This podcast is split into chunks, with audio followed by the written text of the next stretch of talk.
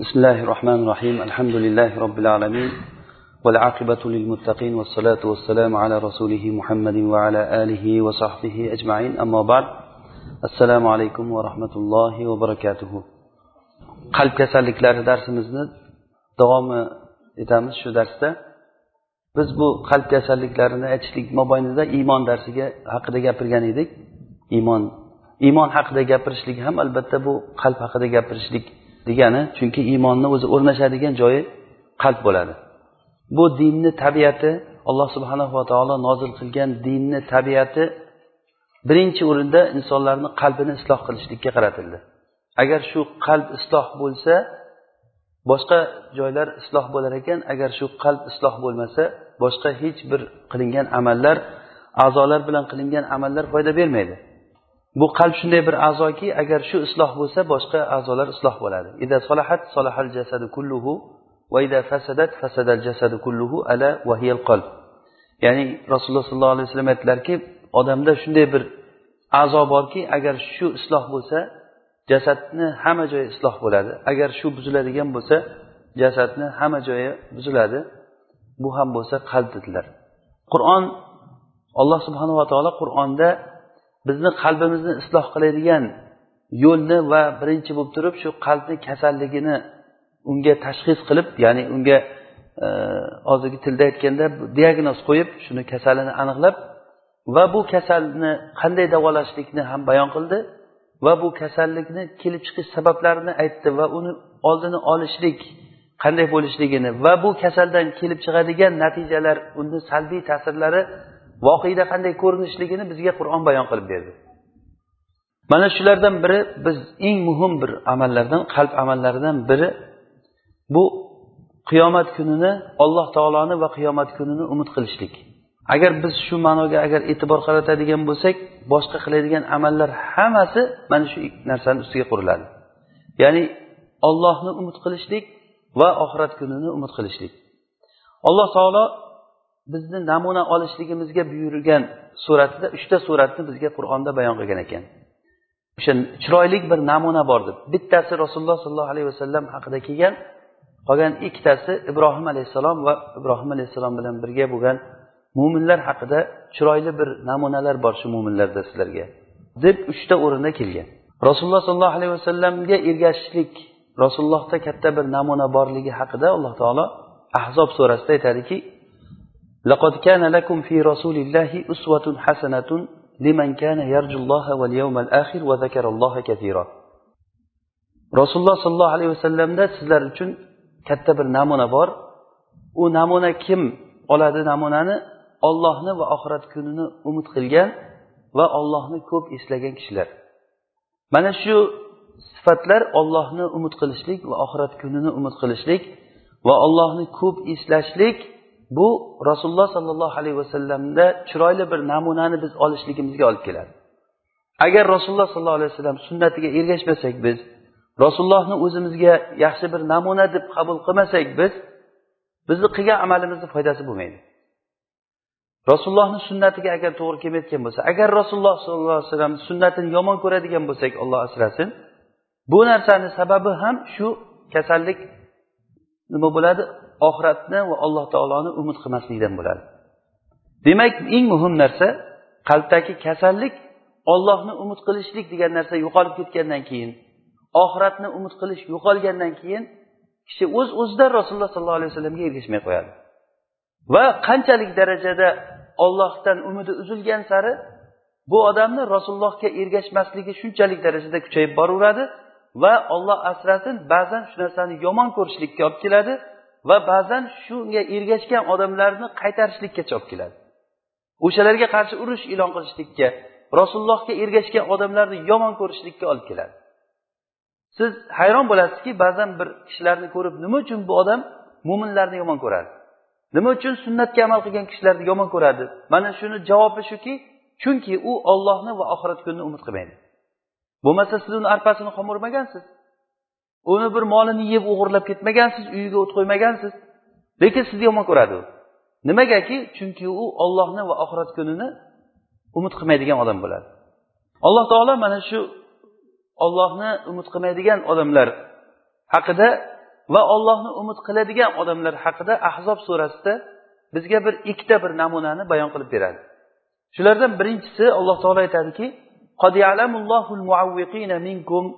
والقائلين لإخوانهم هلم إلينا ولا يأتون البأس إلا قليلا bular rasululloh sollallohu alayhi vasallam jihodga chiqqan paytlarida jihodga chiqmagan odamlar o'zlari chiqmaydi rasululloh sollallohu alayhi vasallamga ergashib yuringlar desa issiqlarda qiyinchilikda rasululloh bilan birga chiqishlikka chiqmaydi bular lekin mayli chiqmagani ham o'sha chiqmasligi bilan birgalikda ular rasululloh bilan chiqqan odamlarga to'sqinlik qilishadi Mana shu odamlarni alloh taolo biladi ularni kimligini. Bular ikki toifa bo'ladi. Biri chiqmasdan turib xalaqit berib turib chiqmanglar deb hammani qo'rqitib o'lib ketasan hammang. Bu rasulullohga ergashsanglar bular sizni halokat joyiga olib boradi. Deydigan odamni qalbida iymon bor deb tasavvur qilsa bo'ladimi buni? Rasululloh sollallohu alayhi vasallam bir kuni safardan qaytib kelish paytlarida ba'zi kishilar rasululloh bilan birga yurishdan zerikib oldinga qarab ketib qolgan bular oldinga qarab madinada bir uylarimizga boraylik tezroq ketaylik deb izn so'raganda rasululloh sallallohu alayhi vasallam izn berdilar ketaveringlar degan. Keyin aytdilarki shunday bir qavm borki shunday bir odamlar borki rasululloh o'tirgan daraxtni soya tomoni ularga mana bu tomondan ko'ra g'azabli bo'ladi. Ya'ni rasululloh o'tirgan soyada o'tirgisi kelmaydigan odamlar bor degan. Hali ummatga shunday bir vaqtlar keladiki rasulullohni bir marta ko'rishlik unga butun yer yuzidagi hamma mol mulkda yaxshi bo'lib qoladigan paytlar keladi deganlar boshqa bir hadisda. Bunda aytyaptilarki rasululloh o'tirgan soyada o'tirishlik bular uchun g'azabli bo'ladiki o'sha soyada ham o'tirgisi kelmaydi degan. Shunda rasulullohni ashoblaridan biror kishi qolmadi illo hammasi yig'ladilar. Ya'ni munofiq kishilar rasululloh bilan birga yurgisi ham kelmaydi. Rasululloh bilan safarda birga yursa keta ketguncha madinaga borguncha qancha holatlarni ko'radi qancha ilm o'rganadi yo'q ular o'tirgisi kelmaydi. Rasulullohni gapini eshitgisi ham kelmaydi chunki ularga kerak emas u narsa. Rasulullohni gapini so'zlarini eshitishlik kimga kerak bo'ladi?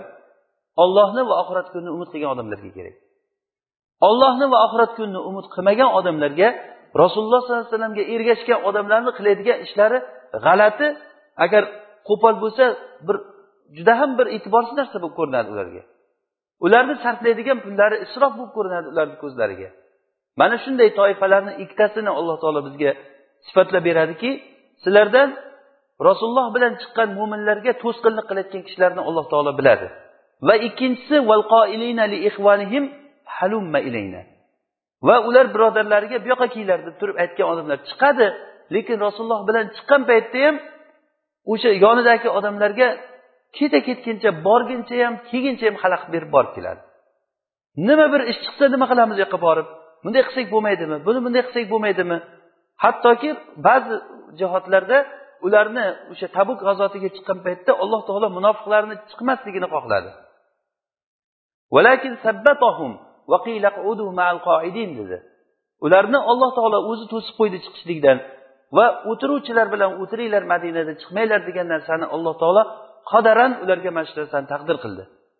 Va uni ne'mat ekanligini alloh taolo bayon qildiki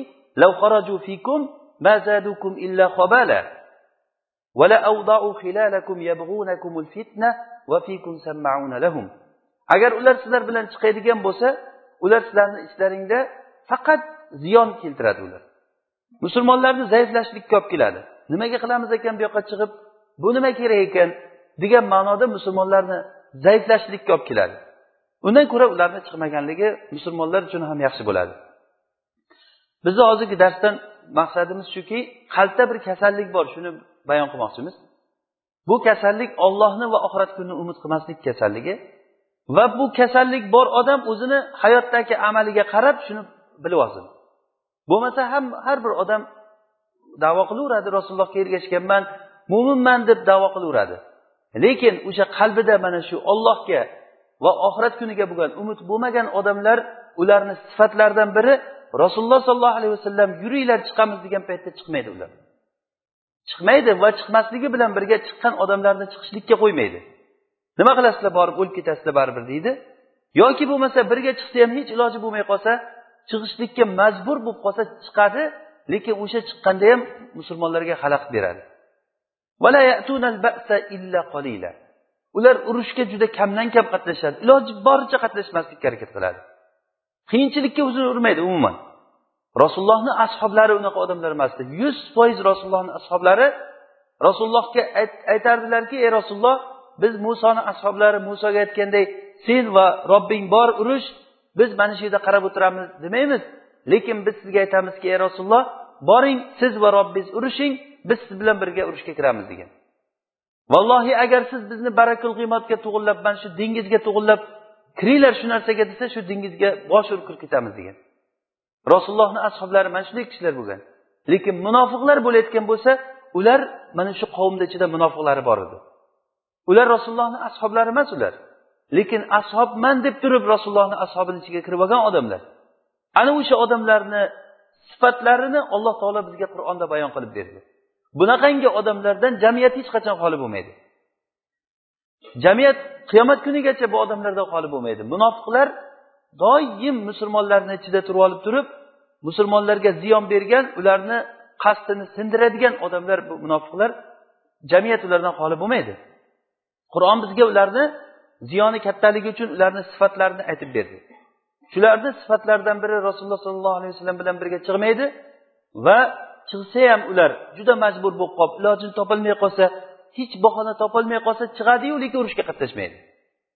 Chunki o'lgisi kelmaydi hech kimni yerga kirgandan keyin. Ular o'ylaydiki kofir bo'lgan odamlar albatta rasulullohga ergashgan odam bo'ldi o'lib ketadi deb o'ylaydi. Lekin bu narsa ularni voqedan noto'g'ri bir tahlilga olib keldiki voqega qarab o'zi o'ladigan odam o'laveradi. O'lishlik yoki o'lmaslik rasulullohga ergashishlikda emas bu narsa. Umr qancha belgilangan bo'lsa o'sha narsada yashaydi odam.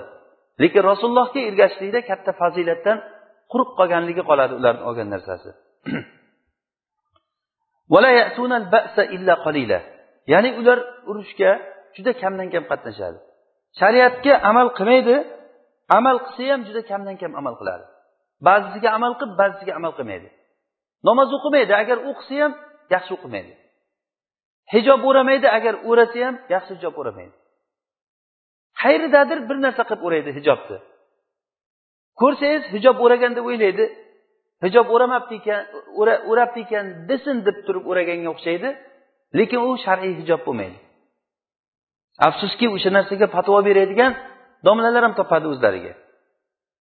Shar'iy bo'lmaguncha hijob hijobni bir nimasi bor? E, o'zini hududi. O'sha hududdan agar bir qarshi bo'lsa ham bir milli bo'lsa ham pastga tushadigan bo'lsa hijob o'zini shar'iyatini yo'qotadi inshaalloh bir olloh qodir qilsa shu hijobni shar'iy e, zavobitlari haqida gapirishligimiz kerak unda bu mavzudan chiqib ketib qolamiz. Ya'ni hijob ayol kishini butun a'zoyi badanini to'suvchi bo'lishi kerak. Qalin bo'lishi kerak.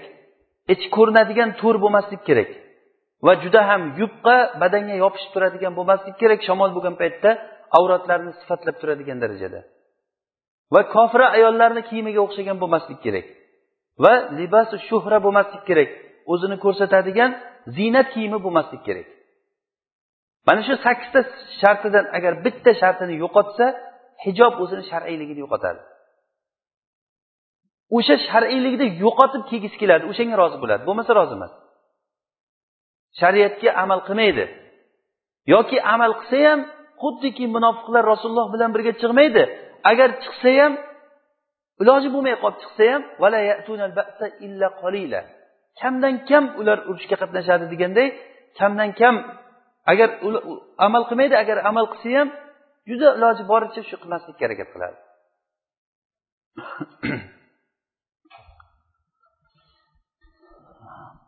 أشحة عليكم فإذا جاء الخوف رأيتهم ينظرون إليك تدور أعينهم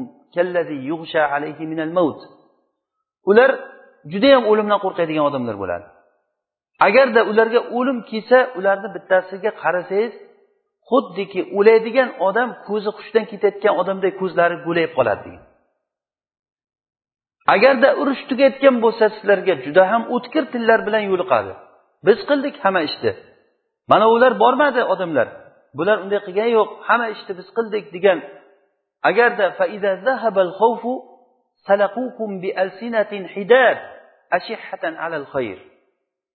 agarda urush tugasa ular sizlarga shunday bir o'tkir tillar bilan yo'liqadiki uni qo'yavering. O'sha g'animatdan olishlikdan quruq qolmaylik deb. Uni ham maqsadi o'sha g'animatdan olishlik uchun aytadi. Dunyoviy manfaat uchun qiladi har bir ishini. Munofiq kishini ollohga va oxirat kunini umid qilmaydigan va allohga iymon keltirmagan odamni ko'z qarashi uni mezoni o'lchovi faqat dunyo bo'ladi. Qayerda dunyo bo'lsa o'sha joyda hozir nozir. Agar dunyo bo'lmaydigan bo'lsa u joyda u odam unga kerak emas u joy. Ana shu munofiqlar ham urush tugagandan keyin qahramon ko'payadi deganday bular juda o'tkir tillar bilan yo'liqadi. Endi qur'on mana shu odamlarni kasali nimada shuni bayon qilyapti? Yu'minu. Ana shu odamlar iymon keltirmagan odamlar bular. Alloh taolo ularni qilgan yaxshiliklarini ham o'zi habata qilib yo'q qilib yubordi olloh asrasin bu gapimiz e, ba'zan qo'pol chiqib qoladi lekin bu narsani biz mo'minlar bilmaslik bilmasligimizni iloji yo'q bo'lgan narsa bu. Ya'ni agarda qalbingizda ollohga va oxirat kuniga bo'lgan umid bo'lmasa qilgan amalingiz botil bo'lib ketadi. Bu qur'onni aytgan gapi bu. Ularni amalini alloh taolo habata qilib yubordi bu kofirlarni sifati. Ya'ni kofir kishilar ollohni va oxirat kunini umid umuman umid qilmaydi. Lekin mo'min kishilarni ichida ham umid qilishligi zaif bo'lgan odamlar bor. Olloh deydi oxirat kuni deydi lekin yuragidan aytmaydi shu narsani. Dunyoni yaxshi ko'radi. Qalbingizdan so'rab ko'ring siz agar olloh bilan dunyo oldingizga kelib qolsa qaysini yaxshi ko'rasiz? Mezon sizni o'zingiz tarozi hech bir odam mana bu falon mana bu pismadon bu to'qson foiz ergashadi bu sakson foiz yetmish foiz degan tarozi yo'q. Bu tarozi inshaalloh qiyomat kunida bo'ladi. Taqvo qalbda bo'ladi iymon qalbda bo'ladi. Juda chiroyli gaplarni gapirishligimiz mumkin. Juda go'zal bir ko'rinishlarda ko'rinishligimiz mumkin. Lekin bu narsa o'lchovi qiyomat kunida ma'lum bo'ladi.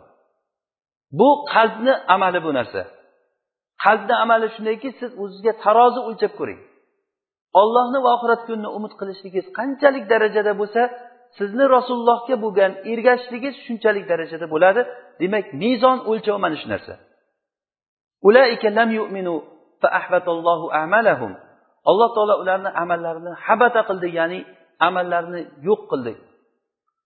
Ya'ni boshqa oyatlarda keladiki ya ayyuhallazina amanu la tuqaddimu bayna yadayillahi va rasulih ey iymon keltirgan bandalar olloh va rasulini oldida sizlar gaplaringni ustun qo'ymanglar degan. Shu oyatni davomida keladiki sizlarni amallaring habata bo'lib ketmasligi uchun amallar kuyib ketadi shunday qilsanglar degan.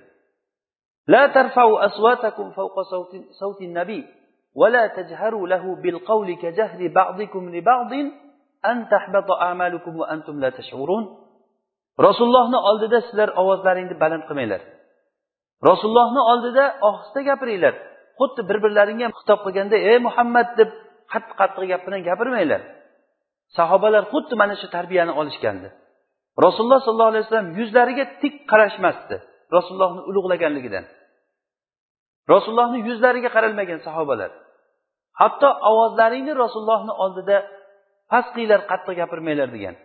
Sizlar olloh va rasulini oldida buyrug'ini oldida o'zlaringni gaplaringni ustun qo'ymanglar degan. Bu qanaqangi iymon bo'ladiki olloh va rasuli mana bunday qilgin deb tursa yo'q qilmayman desa ha mayli qilamanu yarmisini qilaman mayli desa qanaqangi iymon bo'ladi bu? Endi bir jamiyat bo'lsaki u jamiyatda olloh va rasulini buyrug'i tamoman chekka surib qo'yilsadan keyin yana iymonliman deb davo qilsa. Olloh va rasulini hukmini qilayin olloh va rasulini sunnatiga ergashayin rasulni sunnatiga degan odamlarni yo'q buni qilmaysan deyilsa agar. Bu narsa bu har bir kishi o'zini iymonini mana shu narsaga hisob o'lchab ko'rishlik kerak. Bu bizni maqsadimiz. Birovni iymonsizga chiqarishlik yo birovni haqoratlash emas bu.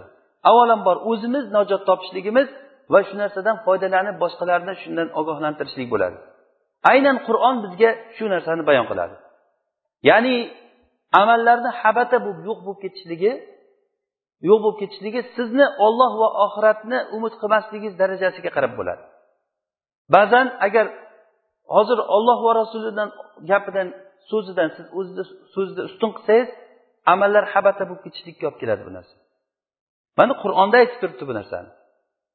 yoki bo'lmasa olloh va rasuli olloh nozil qilgan narsani yomon ko'rishlik bu qalbingizda agar shu shariatga nisbatan yomon ko'rishlik bo'layotgan bo'lsa buni biz furqon surasidagi misoldan aytamiz mana bu narsa ham kishini amalini habata bo'lib yo'q bo'lib ketishlikka olib keladi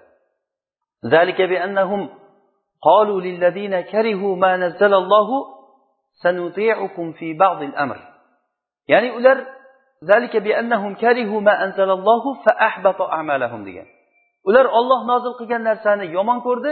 Shu natija shuni sababdan ham alloh taolo ularni amallarini habata qilib kuydirib yubordi degan. Demak amal kuyib ketishligi qilgan solih amallaringiz kuyib ketishligi mumkin ekan olloh asrasin. Nima sababdan? Mana shu olloh va rasulini hukmiga to'liq rozi bo'lmasligi sababidan. Ko'pchilik odam bu narsadan e'tibor bermaydi. Iymonliman deb davo qiladi? Lekin o'sha iymon muqtazosidan kelib chiqqan hukmlarga to'liq rozi bo'lmaydi. Ayollar eri agar uylanadigan bo'lsa o'shanga rozi bo'lmaydi. O'zini iymonliman deb davo qiladi? Go'yoki uni nazarida uylanadigan erkakni xotini aybdor bo'lishi kerak deb hukm chiqaradi. Televizorga chiqib gapiradi ayollar deb eshitganmiz. Haligi yulduzman degan odamlar sochi pattaygan boyagi mutabarrija ayol chiqib oladidan keyin shariatdagi uylanish to'g'risida gapiradi. Endi to'g'ri bu shariatda bor uylanish degan narsa yo'q emas bor. Lekin uylanadigan odamni xotini kasal bo'lsa eriga yaramay qolgan bo'lsa xizmatlarni qilolmay qolgan bo'lsa unday bo'lsa bunday bo'lsa o'sha odam uylansa bo'ladi. Ammo oddiy normaldagi erkaklar bo'layotgan bo'lsa ular uylanmaslik kerak deydi. Jamiyat buziladi. Xuddiki bir xotinboz odamni gapirgandek gapiradi. Axloqsiz bir odamni gapirgandek gapiradi.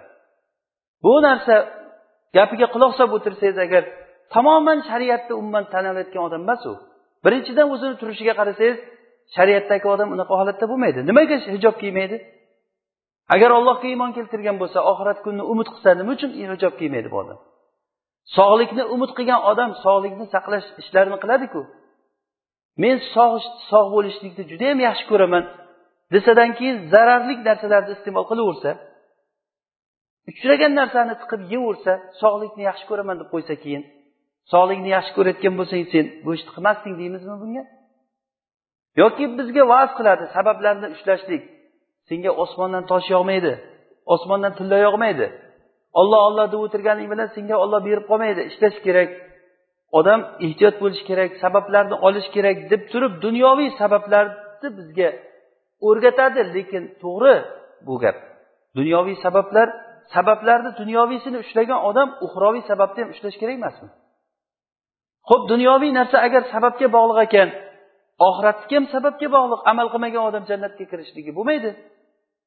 Nimaga siz dunyoda tavakkal qilmayapsizdan keyin oxiratda tavakkal qilyapsiz oxirat ishiga? Oxirat ishiga kelgan paytda e, o'zi bir gap bo'lar deydi. O'zi yallaqasin bir gap bo'lar buyog'ini ollohga topshirib qo'yadi.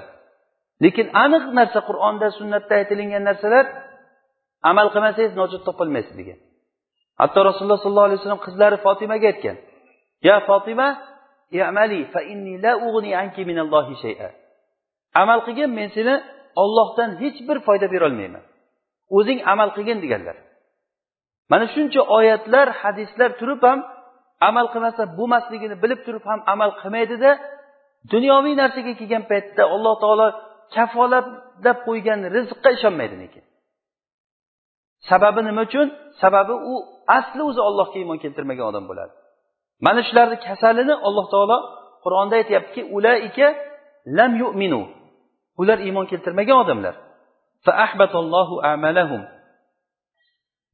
Mana shu hozirgi biz aytgan sifatlar bu munofiqlarni sifati aslida o'zi va bu sifatlar qanchalik darajada mo'minlarda ham bo'lishligi mumkin.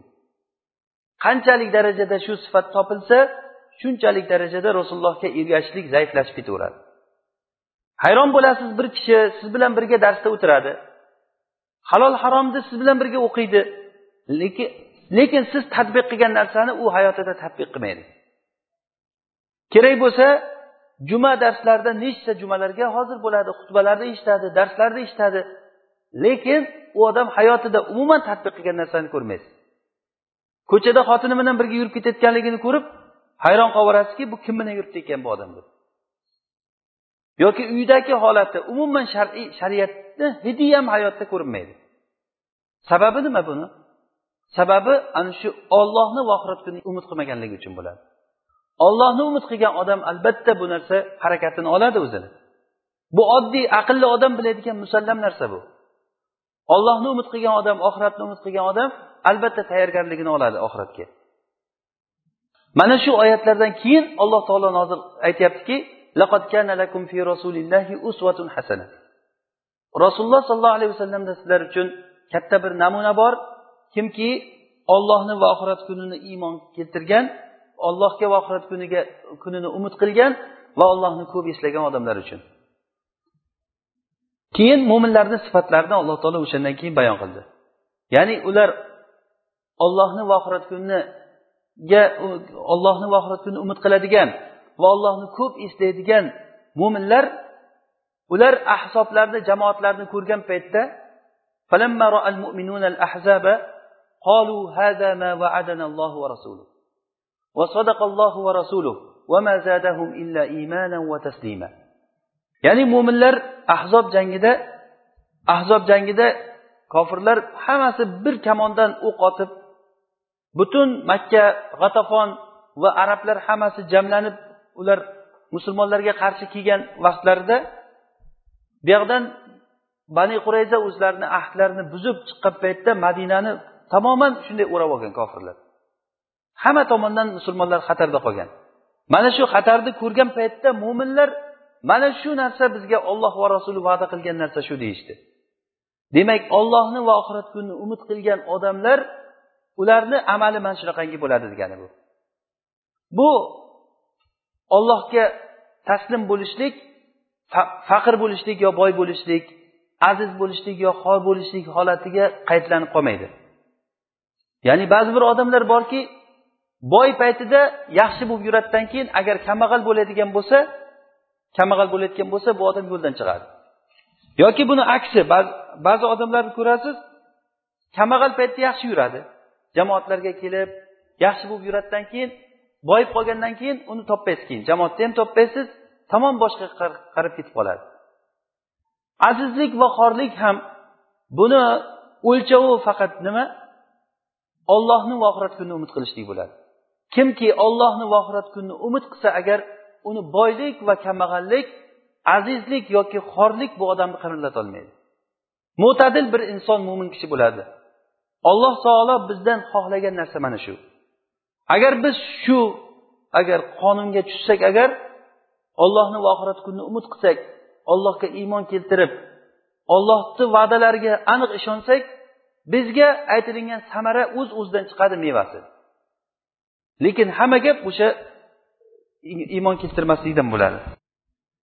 Mo'minlar jamoatlarni ko'rgan paytda ahzoblarni bitta jamoatni ikkita odam ikki xil ko'ryapti.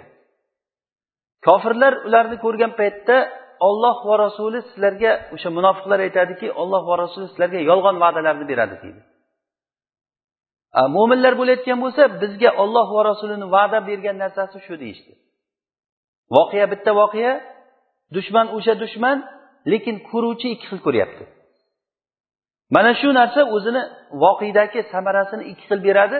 Buni sababi nima uchun tamomiy ikki xil narsa ikki tomonga qarab ketyapti? Bu xuddiki ba'zi ulamolarimiz aytganday haq bilan botil xuddiki chorrahaga o'xshaydi. Ya'ni bu yoqqa ketsangiz haq qarab ketasiz bu tomonga qarasangiz botilga qarab ketasiz. Bu ikkovsi hech qachon bir biriga birlashmaydi. Qanchalik darajada ko'p yursangiz shunchalik darajada haq yo'lidan uzoqlashasiz buni sababi nima uchun bunday ikki xil natija bo'lyapti? Sababi olloh va oxirat kunini umid qilmaslikdan bo'lyapti. Agar ollohni va oxirat kunini umid qiladigan odam bo'layotgan bo'lsa xuddi shu sahobalar aytgan gapni gapiradi agar shu holatga tushib qolsa. Bu bizga olloh va rasulini va'da qilgan narsasi shu deydi. Furqon surasida ham xuddi shu ma'noda alloh taolo aytadiki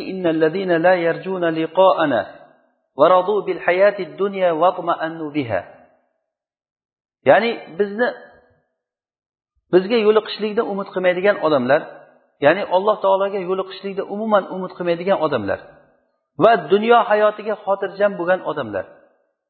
Dunyo hayoti bilan rozi bo'lib o'shanga xotirjam bo'lgan odamlar demak mana shu oyatdan chiqadiki ollohni va oxirat kunini umid qilmagan odamlar ollohga yo'liqishlikni umid qilmagan odamlar dunyo hayoti bilan rozi bo'ladi degan. Va shunga xotirjam bo'ladi. Bu odamni xotirjamligi va xotirjamligini yo'qolishligi hammasi dunyoga bog'liq bo'ladi. Agar dunyosi xotirjam kelib tursa xotirjam bo'ladi. Agar dunyo tomondan sal qiyinchilik kelib qolayotgan bo'lsa bu odam xotirjamligini yo'qotadi. Va u odamlar bizni oyatlarimizdan g'ofil bo'lgan kishilar. G'ofilligi shu darajagacha boradiki o'zini qarindoshlarini yoki otasini onasini boshqa birodarlarini olib borib qo'li bilan qabrga qo'yib keladi. Biror marta shundan ibratlanmaydi. Fir'avn yashagan joyda yashaydi. Fir'avn yashagan uylarni ko'radi kerak bo'lsa fir'avnni o'ligini ham ko'radi muzeyga borib. O'sha yerga borib ham u rasmga tushirish bilan ovora bo'ladi. Atrofidagi zeb ziynatlar uni qanday qilib saqlanib turganligi bilan qiziqadi. Lekin bu odam kim o'zi nima uchun shunday bo'ldi bu ibrat bo'ldi? Bu odamga umuman bu o'zini ibratini bermaydi. Oyatlarni hum an bular ollohga iymon keltirmagan. Ollohni va oxirat kunini umid qilmagan odamlar ollohni oyatlaridan foydalanmaydi. Shu furqon surasida alloh taolo juda ko'p hikoyalarni keltiradi. Fir'avnni hikoyasini keltiradi. وعادا وثمود وأصحاب الرس وقرونا بين ذلك كثيرا وكلا ضربنا له الأمثال وكلا تبرنا تتبيرا. ولقد أتوا على القرية التي أمطرت مطر السوء أفلم يكونوا يرونها؟ بل كانوا لا يرجون نشورا. يعني bu oyatda xuddi shu ma'no ya'ni aytyaptiki alloh taolo bizga ot qabilasini hikoya qilib berdi samud qabilasini hikoya qilib berdi. Ular qanday halok bo'lib ketdi? Nuh alayhissalomni qavmi qanday g'arq bo'lib ketdi? Fir'avn qanday bo'ldi? Ashabur ros adam va samud va qurunan bayna zalika kasiro mana shuni orasida juda ko'p odamlarni biz xalqlarni halok qildik ularni. Hammasini biz zarbul masal qilib keltirdik. Hammasini biz halok qildik. Sizlar nimaga ibratlanmaysizlar shu narsalardan? Nima uchun halok qildik yo ularni robbisi boshqami? Ularni halok qilgan robbi o'sha robbi o'sha odamlar ham sizlarga o'xshagan odamlar edi bekorga qur'onda bu narsa aytilinmayapti agarda shular qilgan ishlarda sizlarda takrorlansa shularni azobi sizlarda muqarrar takrorlanadi degani bu. Va bundan tashqari ular makka mushriklari ya'ni osmondan ularni ustiga tosh yog'dirilgan lut alayhissalomni qavmi ular shomni yo'lida ular ketishligida yo'lni ustida bo'lgan. O'tganda qaytganda tijorat bilan shuni ko'rib o'tadi ular. Yoki ular ko'rmayaptimi? Ularni qanday halok bo'lganligini uylarini teskari bo'lib turganligini ustilariga tosh yoqqanligini ko'rib o'tar ekan. O'shani ko'rib ham ibratlanmaydi. Afalam yakunu yarovnaha ular ko'rmayaptimi shu narsani? Yo'q ko'ryapti ular. Balki ularni haligisi kasalligi balkanu la yarjuna nushura. Ular qiyomat kuni tirilishlikni umid qilmaydi. Sabab shunda.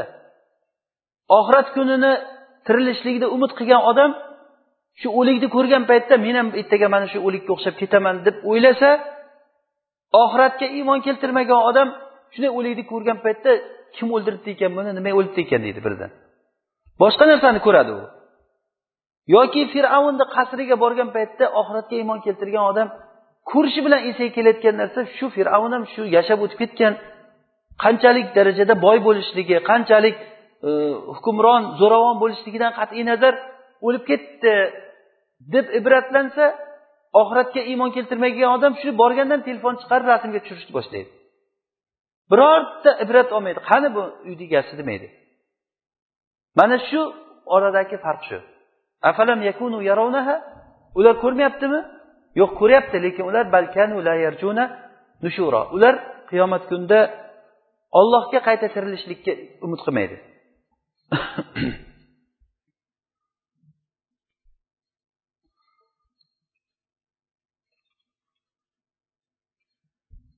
Mana shu oxiratga iymon keltirmaslik odamni to'liq g'aflatga olib keladi. Olloh asrasin bu g'aflatdan haqni ko'rmay qoladi odam. Voqeda bo'layotgan narsalarni boshqacha ko'radi. Hattoki shu darajagacha boradiki solih kishilar uni ko'ziga terrorist bo'lib ko'rinib qoladi. Yaxshi odamlar uni ko'ziga yomon bo'lib ko'rinib qoladi. Ollohni shariati unga zulm bo'lib ko'rinib qoladi. Ollohni shariati olloh asrasin bunday bo'lib ko'rib qolishlikdan ollohni shariati adolatsiz bir narsa bo'lib ko'rinadi bu odamni ko'ziga. Sabab nima? Sabab oxiratga iymon keltirmaslik bo'ladi.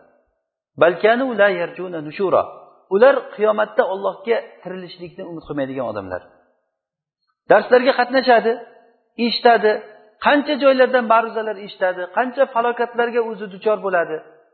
Yo'ldagi moshinada bo'layotgan hodisalarni ko'radi. O'tish paytida xudo asrasin xudo asrasin deb o'tib ketadi oldidan. Lekin xayoliga ham kelmaydi o'sha narsa ertaga. Men ham mana shunday bo'laman. O'lim oyog'imni tagidan kutib turibdi. Umrim tugagan paytda o'laman degan narsa u odam xayoliga ham kelmaydi. Agar o'sha narsa xayoliga kelsa u odam boshqacharoq inson bo'ladi. Ana o'sha narsa esimizga kelsa bizda agar ana o'shanda bizdan keyin bir narsa umid qilsa bo'ladi.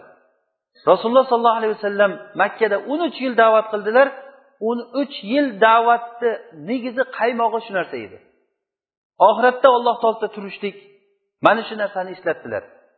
Shuncha da'vatda yetmishta ziyodroq shu atrofida odam iymon keltirdi. Lekin o'sha yetmishta odam ummatni boshqaradigan odamlar bo'ldi. Mana kecha darsimizda aytib bergan yarmuk g'azotida bo'lgan voqealarda musulmonlar agar qirq mingga yaqin bo'lgan bo'layotgan bo'lsa qirq mingtasi holid ibn valid qirqta bo'lakka bo'lib turib jamoat qilgan. O'shanda sahobalarda mingta bo'lgan.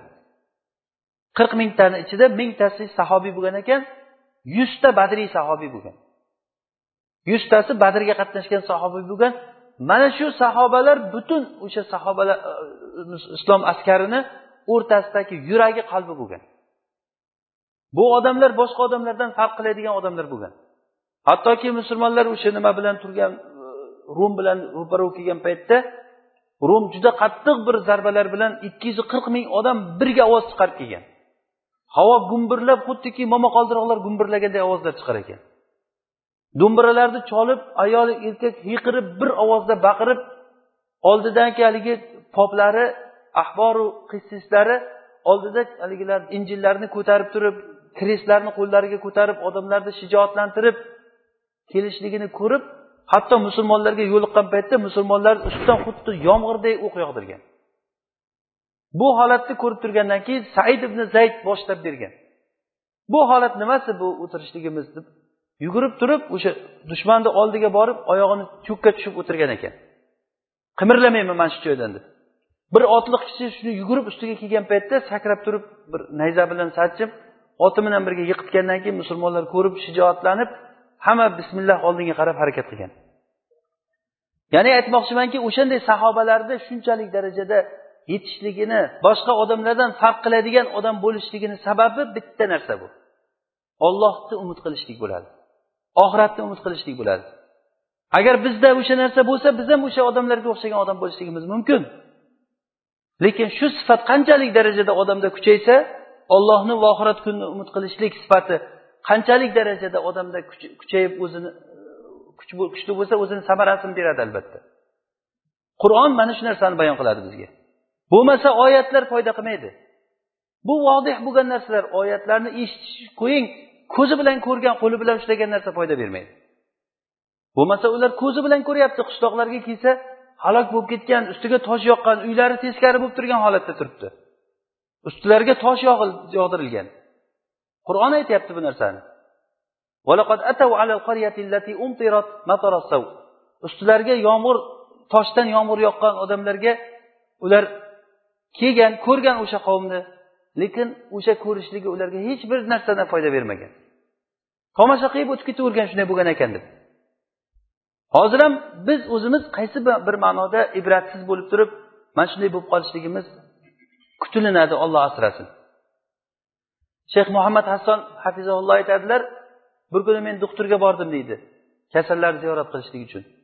Shunda bir tentakxonaga borgan ekan bir aqli ozgan bir qiz bola deydi bo'yiga yetgan katta qiz deydi. Shunday odamlarni ichida baqirib kiyimini yechib tashlayapti deydi. Uni ushlab bo'lmaydi. Shu yugurib ushlab bosib nima qilib qoldi odamlar. Vallohi sizlarni shohid qilib aytamanki men o'sha paytigacha men aqlni ne'matiga shukur qilmagan ekanman deydi. Biz aqlli odamlarni aqlsiz odamlarni ko'ramiz qanchasini. Lekin hech kim ulardan ibratlanmaydi. Olloh qodir edi agar bizni ham o'shanday qilib qo'yishlikka. Yoki qancha ko'zi ojiz odamlarni ko'rasiz. Til bilan shukur qilib o'tib ketadi odam. Alhamdulillah meni ko'zim ochiq deb. Lekin u narsani yurak bilan his qilmaydi odam. O'liklarni ko'rasiz qo'lingiz bilan qabrga qo'yasiz lekin o'sha o'sha paytda ham o'sha olib borishda ham qabrga qo'yishda ham umuman hech bir oxiratga ketish degan narsa odam xayoliga kelmaydi. O'laydigan odam o'zini o'limidan keyingi holatiga ichi achimaydi o'zidan keyin qolayotgan farzandlariga ichi achiydi meni bolalarim kimga qolyapti ekan bolalarimga kim qaraydi? Nima bo'layotgan u bo'layotgan bu bo'layotgan uy joyim nima bo'layotgan deb vasiyatlar ham hammasi shu dunyoviy vasiyatlar bo'lgan holatda dunyodan o'tib ketadi. Chunki bu odam oxiratga bo'lgan iymoni oxiratga bo'lgan umidi yo yo'q bo'ladi yoki bo'lmasa o'ta sust bo'ladi.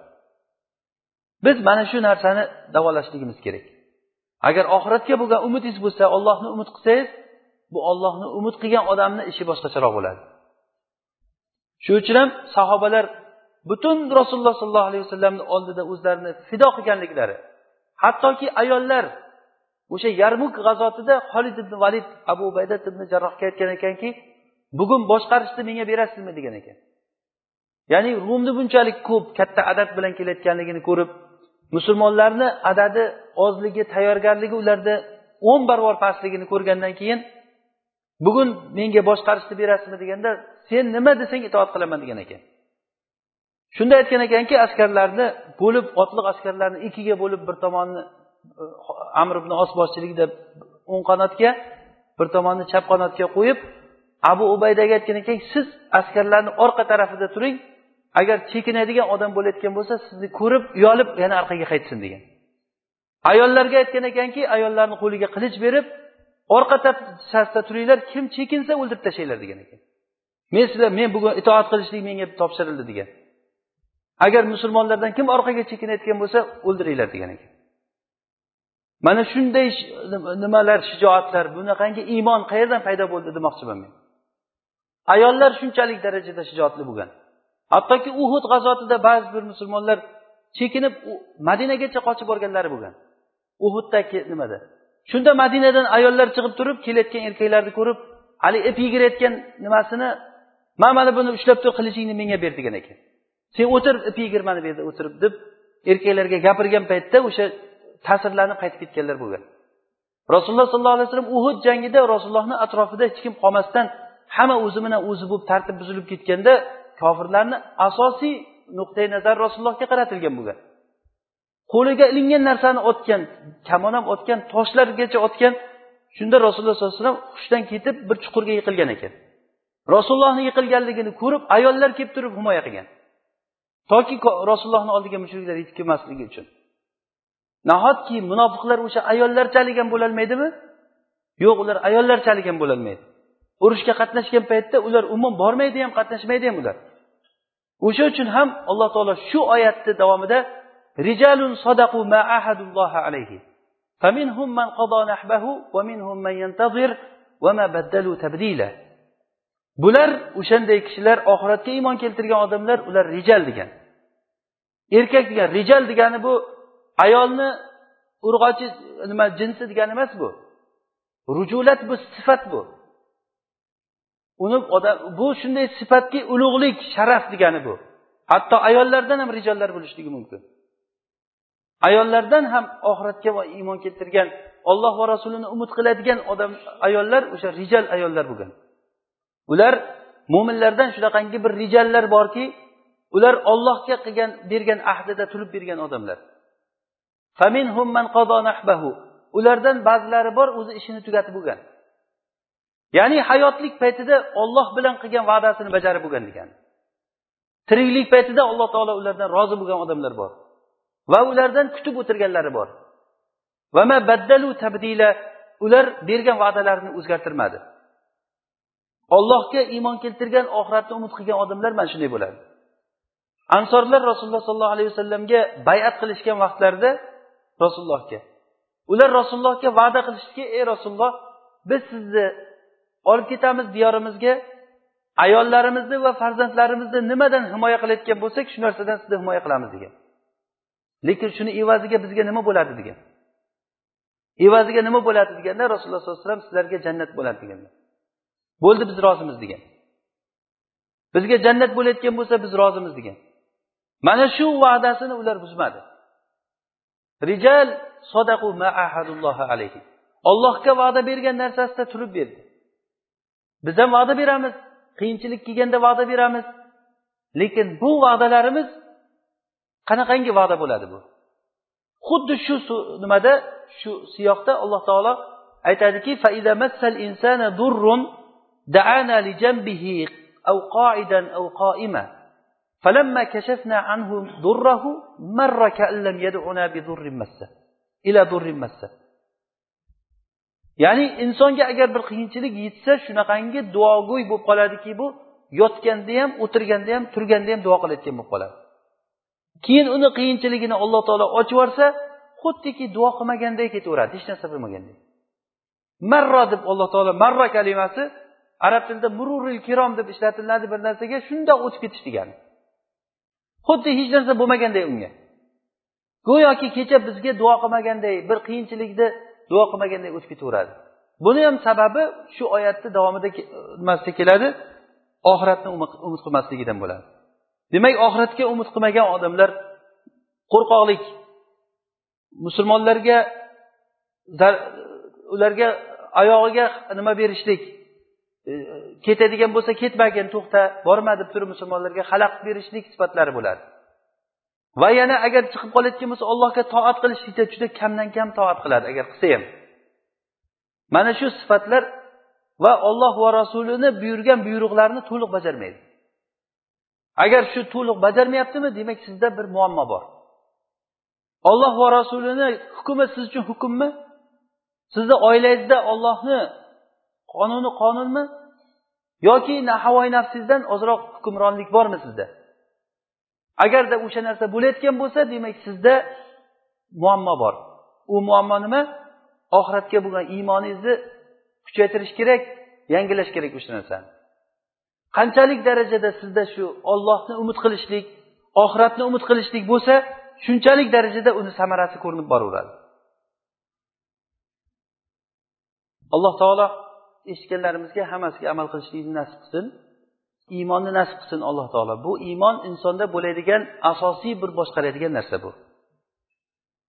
Biz hozirgi darslarimizdan tushunilingan narsa shuki amal qilishlik uchun albatta rag'bat bo'lishi kerak ekan. Ya'ni bu rag'bat degani qiziqishlik degani. Agar qiziqishlik va umid va niyat bo'lmasa bu amal amal deb hisoblanmaydi. Masalan siz cho'ntagingizdagi bir so'm pulni agar bir joyga olloh uchun deb qo'yishligingiz bilan. Savob olasiz agar yuz so'm pul cho'ntagingizdan tushib qolsa e olloh uchun ketibdida deb qo'ysangiz bu nima bo'ladi?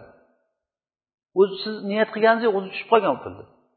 Demak albatta bu amal bo'lishligi uchun rag'bat bo'lishi kerak. Nimagadir odam qiziqishlik kerak. Imtihon bor uchun odam imtihonga tayyorlanadi. O'sha imtihondan najot topishlik uchun o'shanga qiziqishlik borligi uchun odam harakat qiladi. Demak bu dunyoda bizni harakatga solayotgan narsa rag'bat bo'ladi. Bu rag'bat ollohni huzuridagi narsani umid qilishlik bo'ladi. Sahobalar kunduzi bilan jihodlarda jihod maydonida yurgan sahobalar kechasi bilan xuddi ular sahobalar turgan joyda agar quloq solsangiz xuddi org'ing'illab turganday turardi deyilgan. Ya'ni kechalari namoz o'qigan. Kunduzlari shunchalik qiyinchilikda yurib maydonlarda yurib kechasi kechasi bilan tahajjud namozlarini o'qigan nima sababdan bo'lgan bu narsa ollohni huzuridagi narsani umid qilganligi uchun bo'lgan bu yana ollohni umid qilmaydigan odamlarni sifati hozir biz yuqorida aytdikki ular qo'rqoq bo'ladi dedik musulmonlarga xalaqit beradi dedik ollohni toatini to'liq bajarmaydi dedik eng yomon sifatlardan biri وقال الذين لا يرجون لقاءنا لولا أنزل علينا الملائكة أو نرى ربنا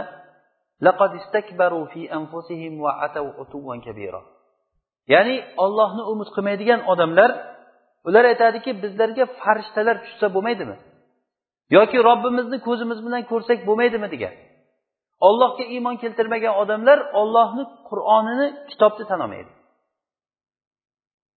hozirgi kunda kitobni tan olayotgan odam qancha til bilan tan oladi odam Lekin uni ichidagi narsani tadbiq qilishga olganda kamdan kam odam shunga rozi bo'ladi. Kamdan kam odam hatto olloh asrasin mo'minman degan kishilarda mana shu narsani topib qoladi. Yuz foiz o'sha qur'onni ichidagi narsani bo'ldi biz taslimmiz robbimizni hukmiga deydigan odam qancha? Mana shu odam haqiqiy oxiratga iymon keltirgan odam qiladi bu ishni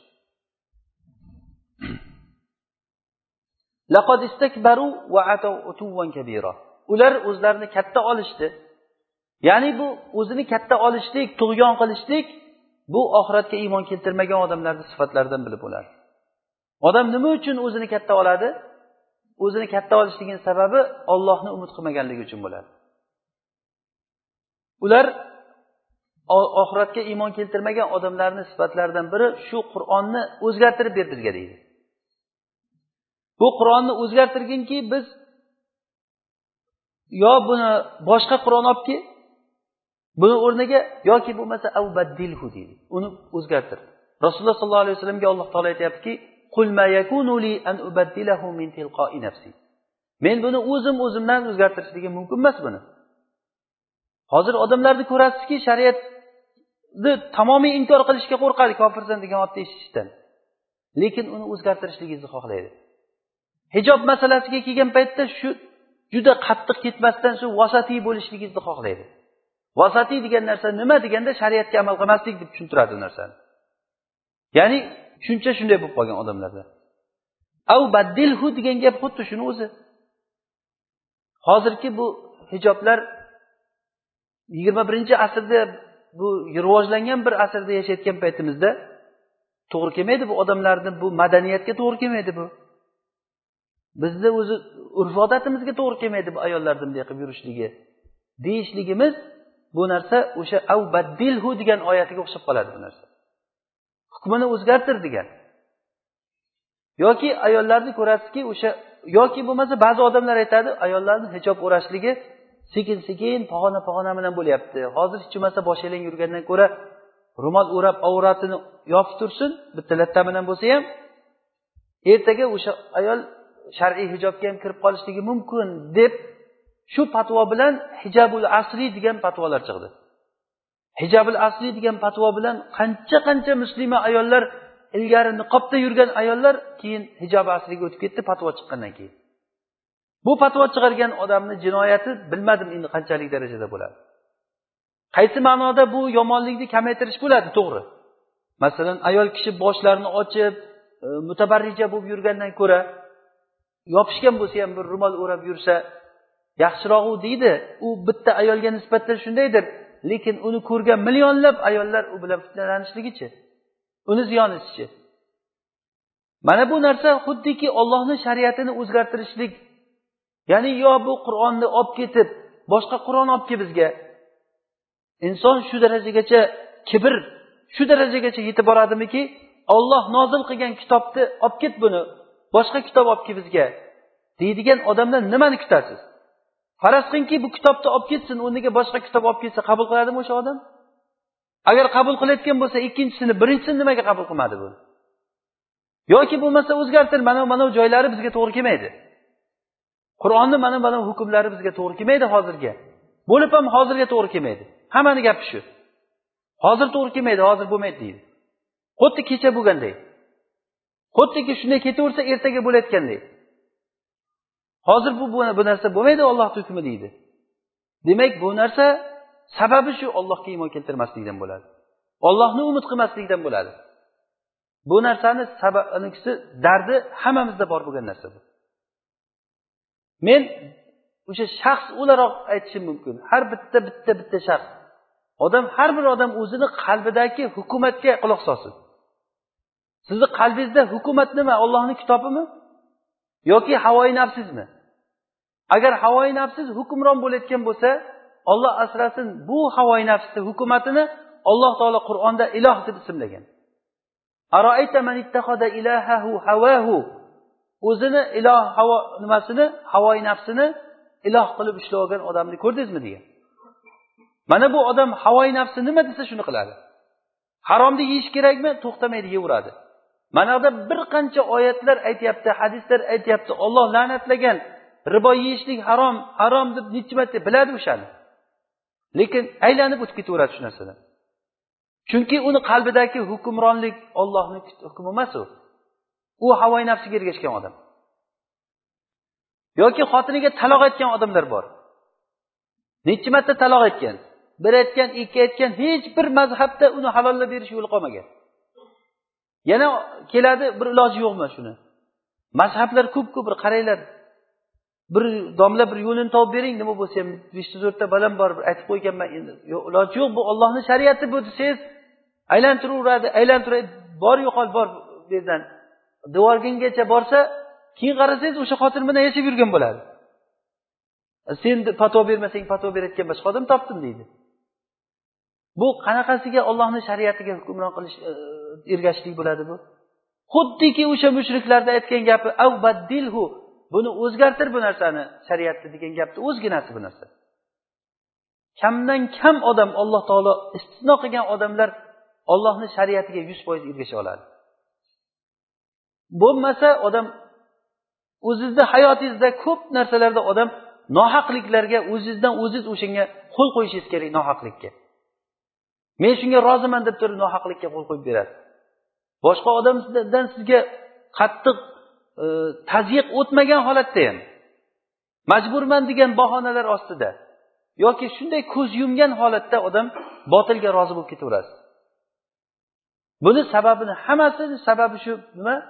Bu oxiratga iymon keltirmaslik bo'ladi. Yoki bo'lmasa iymon keltirishligingiz judayam zaif.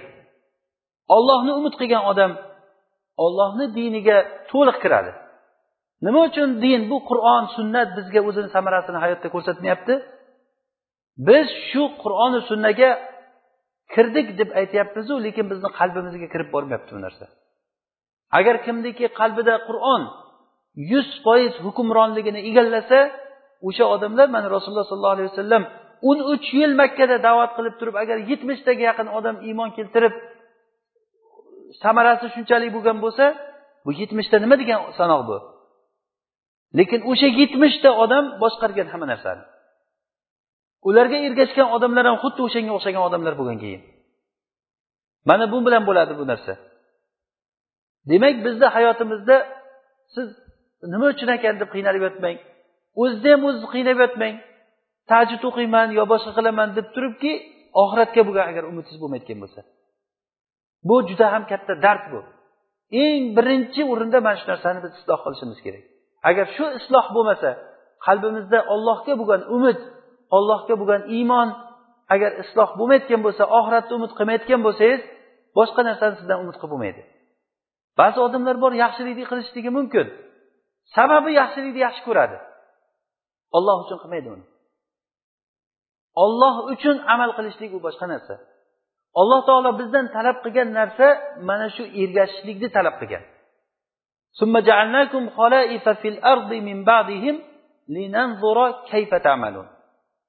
Biz sizlarni oldingi halok bo'lib ketgan ummatlardan keyin sizlarni xalifalar qildik. Biz ko'rishligimiz uchunki qani sizlar qanday amal qilasizlar? Mana arab tilini bilganlar biladi. Kayfa tamalunda tamalunni mafuli yo'q hozir bu yerda qanday tamaluni mafuli bo'lmagandan keyin bu umumni ifoda qiladi. Ya'ni bu yerda mafuli kayfa bo'ladi? Kayfiyat qiziqtiradi ya'ni qanaqaligi?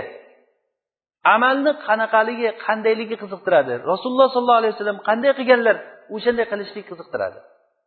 Rasululloh sollallohu alayhi vasallam sunnatiga ergashilinmasdan qilsa masalan peshin namozini uch rakat o'qisangiz alloh taolo o'sha to'rt rakatni uch rakatini o'qisangiz bo'ldi to'rtdan biri qolib ketdi deyiladimi? Yo umuman qilmadi deyiladimi o'sha odamniki? Qanday hukm chiqarasizlar shu narsaga? To'rt rakat namozni uch rakat o'qidi bir kishi. Nima bo'ladi? Namoz o'qidi deymizmi yo o'qimadi deymizmi? O'qimadi deymizmi? Hijob ham xuddi shunday ayollarni hijobi ham. Agar yuz foiz hijob o'ramayotgan bo'lsa uni hijob o'radi deb bo'lmaydi. Hijob o'radi deb bo'lmaydi uni. Ollohni hukmi alloh taoloni hukmi qur'ondagi rasululloh sollallohu alayhi vasallamni sunnatidagi hukmini biz hayotimizga tadbiq qilolmaymiz qachoniki allohga iymon keltirsak ollohni va oxirat kunini to'liq umid qilsak o'shanda bo'ladi. Bu ma'no qur'onda juda yam ko'p bu. Biz qisqartirib qisqartirib hozir bu narsalarni aytyapmiz. Rasululloh sollallohu alayhi vasallam ibn abbos roziyallohu anhu rivoyat qilgan hadisda aytadilarki uch toifa odam bor.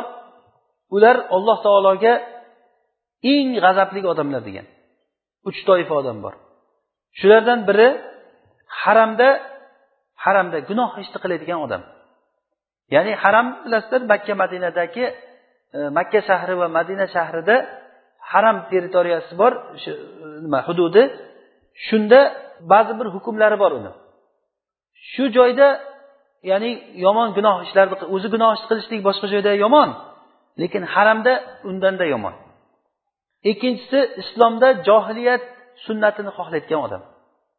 Bizni hozir aytmoqchi bo'lgan joyimiz shu. O'zi musulmon lekin musulmon bo'lib turib johiliyat qonuni bilan yuraman deydi. Ikkita o'rtada pul muomalasida kelishmay qolgan bo'lsa o'rtamizda hakam agar shar'iy bir hakam qilaman desangiz rozi bo'lmaydi. Yo'q shariatni qo'yib tur bu yoqqa deydi keyin gaplashamiz deydi. Qanday bo'lsa ham uni qiziqtirgan narsa shu o'zini molini undirib olishlik bo'ladi. Mubtag'in fil islam sunnatal jahiliya. Va uchinchisi musulmon kishini qonini hech qanday haqsiz musulmon kishini o'ldiradigan odam. Musulmon kishini haqsiz o'ldiradigan odam mana shu uchta toifa odam alloh taologa eng g'azabli odamlar. Birinchisi haramda gunoh ish qiladigan odam ikkinchisi o'zi islomdaman deb davo qilib turib johiliyat sunnatini qilgan odam uchinchisi nima?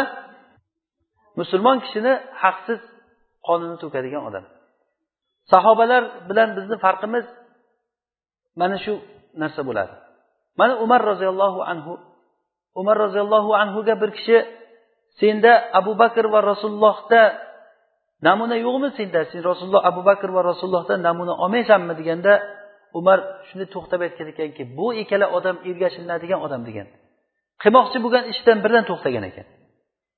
Ibn umar bir kuni e, nimadan makkadan safar qilib ketish paytlarida said ibn yasaro degan kishi bilan birga makkadan madinaga qarab safar qilib ketishda yonma yon ketayotgan paytlarida said to'xtab qolgan qolib ketgan orqada. Keyin yetib kelgan qayerda qolding deganda kelayotgandim yo'lda to'xtab vitrni o'qib oldim tushib degan. Shunda ibn umar aytdilarki rasulullohda sen uchun yaxshi bir namuna yo'qmi? degan. Yo'q bor rasulullohda namuna bor men uchun nimaga bunday deyapsiz deganda rasululloh sollallohu alayhi vasallam vitr namozini rohilada ya'ni ulovda turib o'qirdilar degan. Tamom shu gapni o'zi yetadi. Bizga mana shu narsa rasulullohda chiroyli namuna yo'qmi biz uchun? Bor albatta. Hammamiz bor deymiz. Lekin qani sunnat? Qani rasulullohga ergashganligimiz? Nimaga ergashmaymiz rasulullohga? Nima man qiladi bizni? Man qilishlayotgan sababi shu nima? Ollohni va oxirat kunini umid qilishligimiz kam. Alloh taolo isloh qilsin hammamizni. Bu narsa bugun bu fursat ekan bu. Olloh nasib qilgan ekan. Mana shu narsalarni o'qib eshitishligimizni. Har bir odam o'zi uchun o'zi javob beradi. Yaqin kunda allohga yo'liqamiz. Yaqin kunda rasululloh sollallohu alayhi vasallamga yo'liqasiz. O'sha paytda rasululloh sollallohu alayhi vasallam bizni taniydi. Toratlarni asarlari bilan peshonadagi sajdalar asarlari bilan rasululloh sollallohu alayhi vasallam ummatini tanib turar ekan. Rasululloh sollallohu alayhi vasallam ummatim qiyomat kunida xuddiki otni qashqasiday menga taniqli bo'ladi deganlar. Ya'ni toratni asarlaridan qo'llaridan nur chiqib turar ekan. Ummat keladi. Men taniyman ularni havuzga kelish paytida yaqin qolganda farishtalar chiqib turib ketlaring deb turib ularni haydab e, havuzdan qaytaradi. Men farishtalarga ey qo'yinglar ular meni ummatlarim.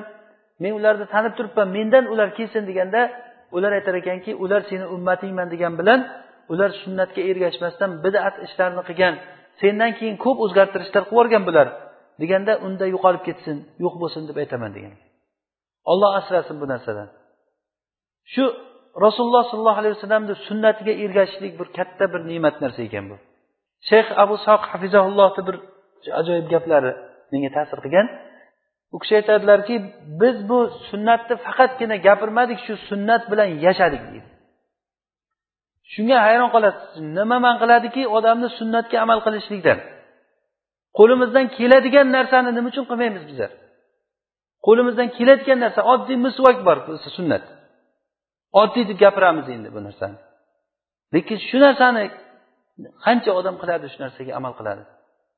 Boshqa boshqa sunnatlarni kim bilmaydi o'sha narsani sunnatligini? Albatta biladi hamma lekin amal qilishlik yo'q. Sababi nima? Sababi dardi nima buni kasali? Oxiratga umid qilmaslik o'sha oxiratda. Yoki bo'lmasa umid qilsak ham kam umid qilamiz. Shu narsaga agar umidimiz kuchaysa rasululloh sollallohu alayhi vasallamda biz uchun juda katta bir namunalar bo'ladi. Agar rasululloh sollallohu alayhi vasallamga ergashishlik yo'q bo'lsa inson ahmoqlikni eng cho'qqisiga chiqib yetar ekan. Bu narsani eng cho'qqisini bir yahudlarda ko'ramiz buni. Yahudlar qarangki ular rasulullohni haqligini biladi lekin ergashmaydi. Rasulullohga ergashmaydi. Va ergashmaganligini ham qo'ying unga dushmanchilik qiladi. Ummatga dushmanchilik qiladi bular. Bilib turib shu narsaga dushmanchilik qiladi. Rasululloh sollallohu alayhi vasallam aytdilarki iso ibn maryam tushgan paytda iso ibn maryam oxirat yaqin qolganda dimashqda bir minorani ustiga tushadilar degan dimashqni sharqiy tomonda. Shunda ikkita farishtani nimasiga qo'llarini qo'yib tushadilar? Bomdod namozini birga o'qiydi jamoat bilan birga. Bomdod namozini takbir aytilingan paytda iso alayhissalom tushib kelar ekan. Shunda iso tushdi iso tushdi degan gaplar bo'ladi. Odamlar to'xtab qoladi hamma namoz o'qimoqchi bo'lib turganda. Shunda masjidga kirib keladi u kishi. Masjidga kirganda namoz boshlaymiz deganda iso alayhissalomga imom o'ting deyilsa o'sha masjidni imomiga aytar ekanki sen o'tgin chunki iqomat sen uchun aytildi degan. Bu kishi o'tib o'sha um, iso alayhissalom muqtadiy bo'lib namoz o'qir ekanlar. Namoz o'qib bo'lgandan keyin keyin o'zi masjidni oldiga yahudlar yashil kiyimlarda qurollangan yahudlar kelib turar ekan. Shu iso alayhissalomni ko'rishligi bilan o'sha dajjol boshchiligi dajjol boshchiligida kelib turar ekan. Eshikni ochgandan dajjol iso alayhissalomni ko'rgandan qochib ketar ekan. Iso alayhissalomni ko'zi tushgan joyda kofirlar o'laverar ekan. Ko'zi nafasi borgan joygacha o'lar ekan. Nafasi ko'zi tushgan joygacha borar ekan. Isoni nafasi yetgan joyda kofirlar o'laveradi shunda musulmonlar yahudlarni o'ldiradi o'ldiradi. Biror bir daraxt daraxtni orqasiga yoki tosh yoki devorni orqasiga yashirinsa agar yahudlar o'sha daraxt toshlar tilga kirib ey muslim ke o'ldir meni orqamda yahud turibdi ke o'ldir deb aytar ekan. Illo g'arqat degan bir daraxt aytmas ekan. Shu daraxt aytmaydi deganlar rasululloh hozir yahudlar shu daraxtni ekib ko'paytiryapti ekan shu daraxt aytmas ekan deb. Bu ahmoqlikmi ahmoqlik emasmi? Shu endi sabablarni olishga kiradimi bu? Shu narsa sababni olishga kiradimi? O'sha kunga ishonar ekansan sen. Shunchalik ekansan shuni ilmini bilar ekansan. Qaror qabul qilishlikni qarang qanaqangi qaror qabul qilinyapti. Allohu mustaan ya'ni rasulullohga ergashmagan odam buni boshi kofir keyin munofiqlar qaror qabul qilishligi mana shunaqangi bo'ladi. Hozir otalar o'zini farzandida qaror qabul qilishligiga qarasangiz agar ota o'zini farzandida qaror qabul qilishligi uni tarbiyasidagi qaror qabul qilishligi uni qaysi oliygohga o'qishga qo'yishligi qizlarini qanday kuyovga topshirishligi o'g'lini qanday kelinga uylantirishligidagi qaror qabul qilishligi uni oxiratga bo'lgan iymonidan kelib chiqayotgan narsa bu. Hayotida siz bilan hoji buva bo'lib turib yaxshi gaplashishligi mumkin. Lekin hoji buvani qizi ro'mol o'ramaydi nimaga hoji buva desa yoshlar hali deydi o'raydi hali deydi. Lekin o'zi oq kiyimlarni kiyib butun yaxshi nimada yuradi. Izzat obro'lik mahallada judayam yaxshi hoji buva bo'ladi u kishi. Yettinchi marta hajdan keldim mani deb gapiradi masalan. Lekin hayotida biror bir asar ko'rinmaydi. O'sha qaror qabul qilishlikda ahmoqlikni ko'rasiz. Agar qo'pol bo'lsa ham. Safah bu narsa ahmoqlikdan boshqa narsa emas. Chunki bu qur'onda shuni ahmoqlik deb aytgan. Kimki agar ibrohim millatidan yuz o'girsa bu odam illaman safiha nafsah degan.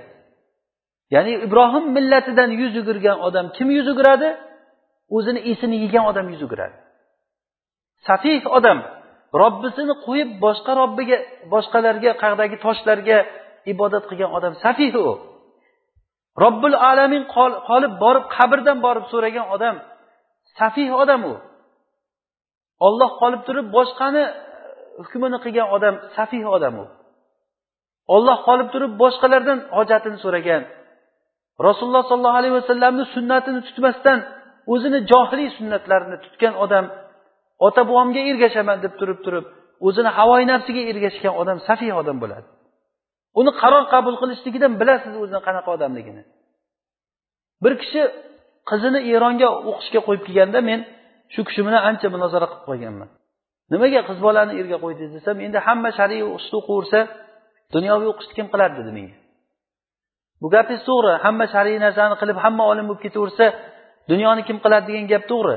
Lekin hamma olim bo'lib ketdimi hozir? Hali hamma olim bo'lib ketdimi? Demak shar'iy ilm birinchi o'rinda turayotgan narsa bu. Qachoniki agar shar'iy ilmni bizga yetishadigan odam chiqib bo'lsa o'shandan keyin boshqa narsalarga harakat qilishligimiz bizga vojib bo'lib qoladi. Demak mana shu qaror qabul qilishligimiz ham bizni shariat qur'on sunnat qiziqtirmaydi bizni qur'on oyoq osti bo'lib yotibdi buni qiziqtirmaydi hech kimni. Sunnat oyoq osti bo'lib ketgan uni qiziqtirmaydi buni. Bitta sunnatni tiriltirishlik uchun shayx abu soq hafizahulloh aytadilar masjidda sunnatni tiriltirishi nimadan oldin e, shomdan oldin ikki rakat namoz o'qishlik. Sollu qoblal mag'ribi rakatayn degan hadisni eshitib masjidda birinchi imom bo'lgan paytlarim edi deydi. Shu odamlar shomni azonidan keyin hech vaqt o'tkazmasdan birdan takbir aytadi. Men imomman masjidda mehrobda turib turib sunnatni boshlayveraman deydi. Endi men sunnat o'qishim paytimda orqamdan ham odamlar sunnat o'qisa qani o'qib bo'lgunimcha so'kib turadi orqamdan deydi. O'qib bo'lganimdan keyin muazzinga aytib qo'yaman men namozni boshlagunimcha takbir sal kechiktirib turgin deyman. O'shanda qilib turib hech bo'lmadi hech bo'lmadi nima qilsam ekan deyman. Men ham qo'ymadim ular ham qo'ymadi deydi.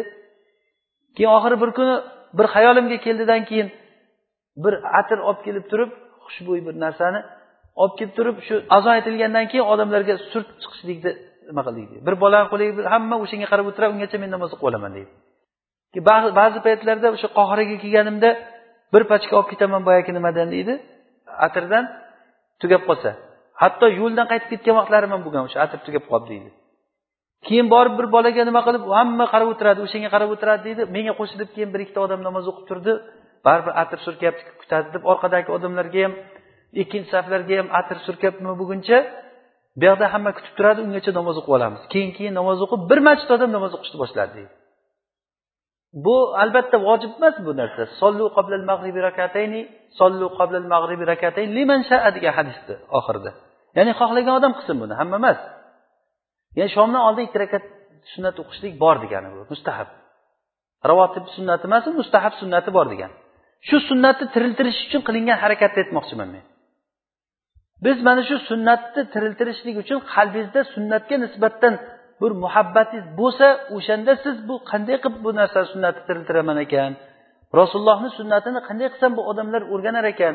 Men o'zimni hayotimda qanday bu narsaga amal qilaman degan savol odamda paydo bo'ladi.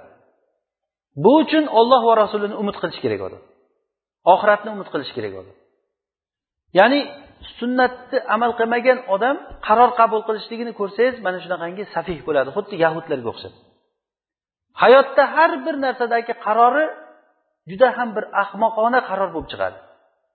Hattoki o'sha aytganimizdek o'g'il uylashda ham qizni turmushga berishda ham o'g'lini o'qitishda ham bola tarbiyasida ham bolasini bog'chaga qo'yishda ham o'zini tinchligini o'ylab turib bola chaqasi bilan borib bir chekkaroq joyda yashayman deb turib borib keyin bolalarini shu maktabga qo'ygan paytda butun xudosizlik ya'ni ollohni qarshi bir kufr nizom bilan o'qitib bolasini tarbiyalab nima qilsa o'shanday qaror qabul qilgan odamni men sunnatni umuman tushunadi deb o'ylamayman bu odamni.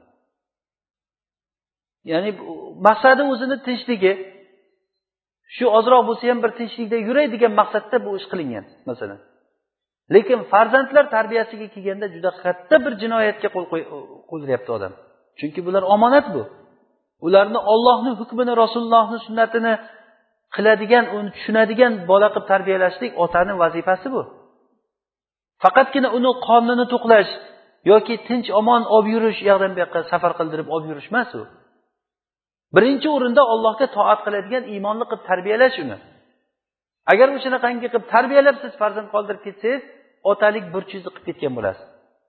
Agar o'shani qilolmasangiz siz demak siz shu narsada qosirlik qilgan bo'lasiz. Alloh taolodan so'rash kerak olloh madad bersin bu narsaga. Rasululloh sollallohu alayhi vasallam qur'onda alloh taolo aytadiki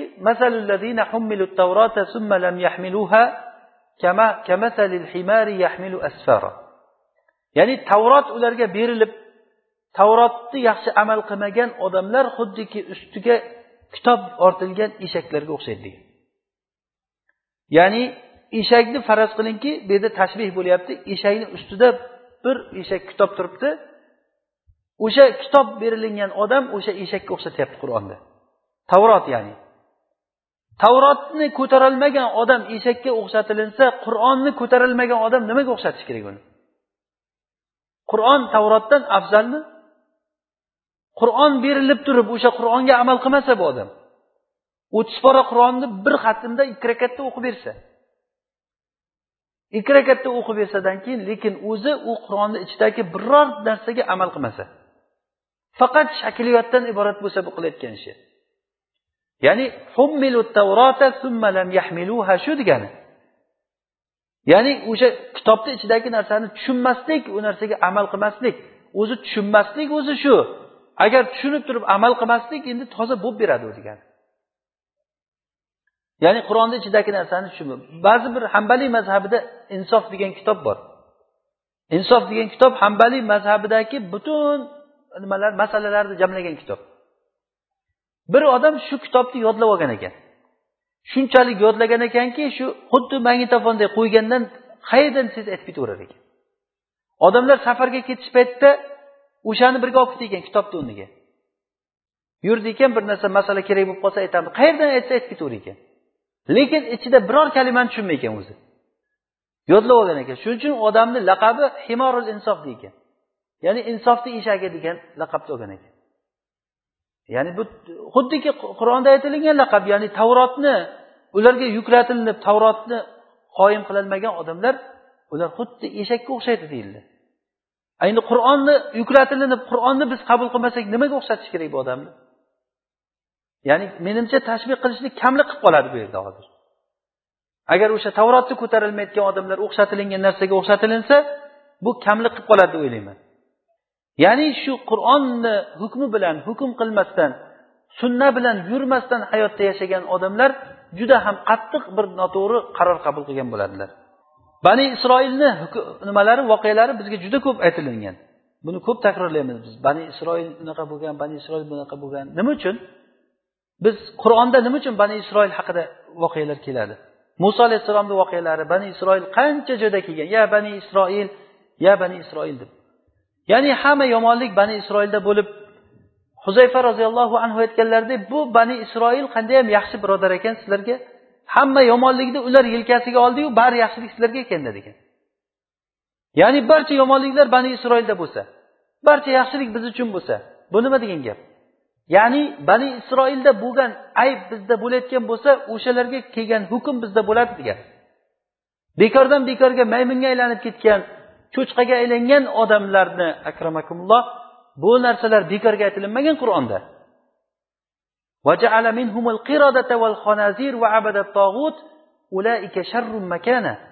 Ular eng yomon odamlar bo'lgan ular.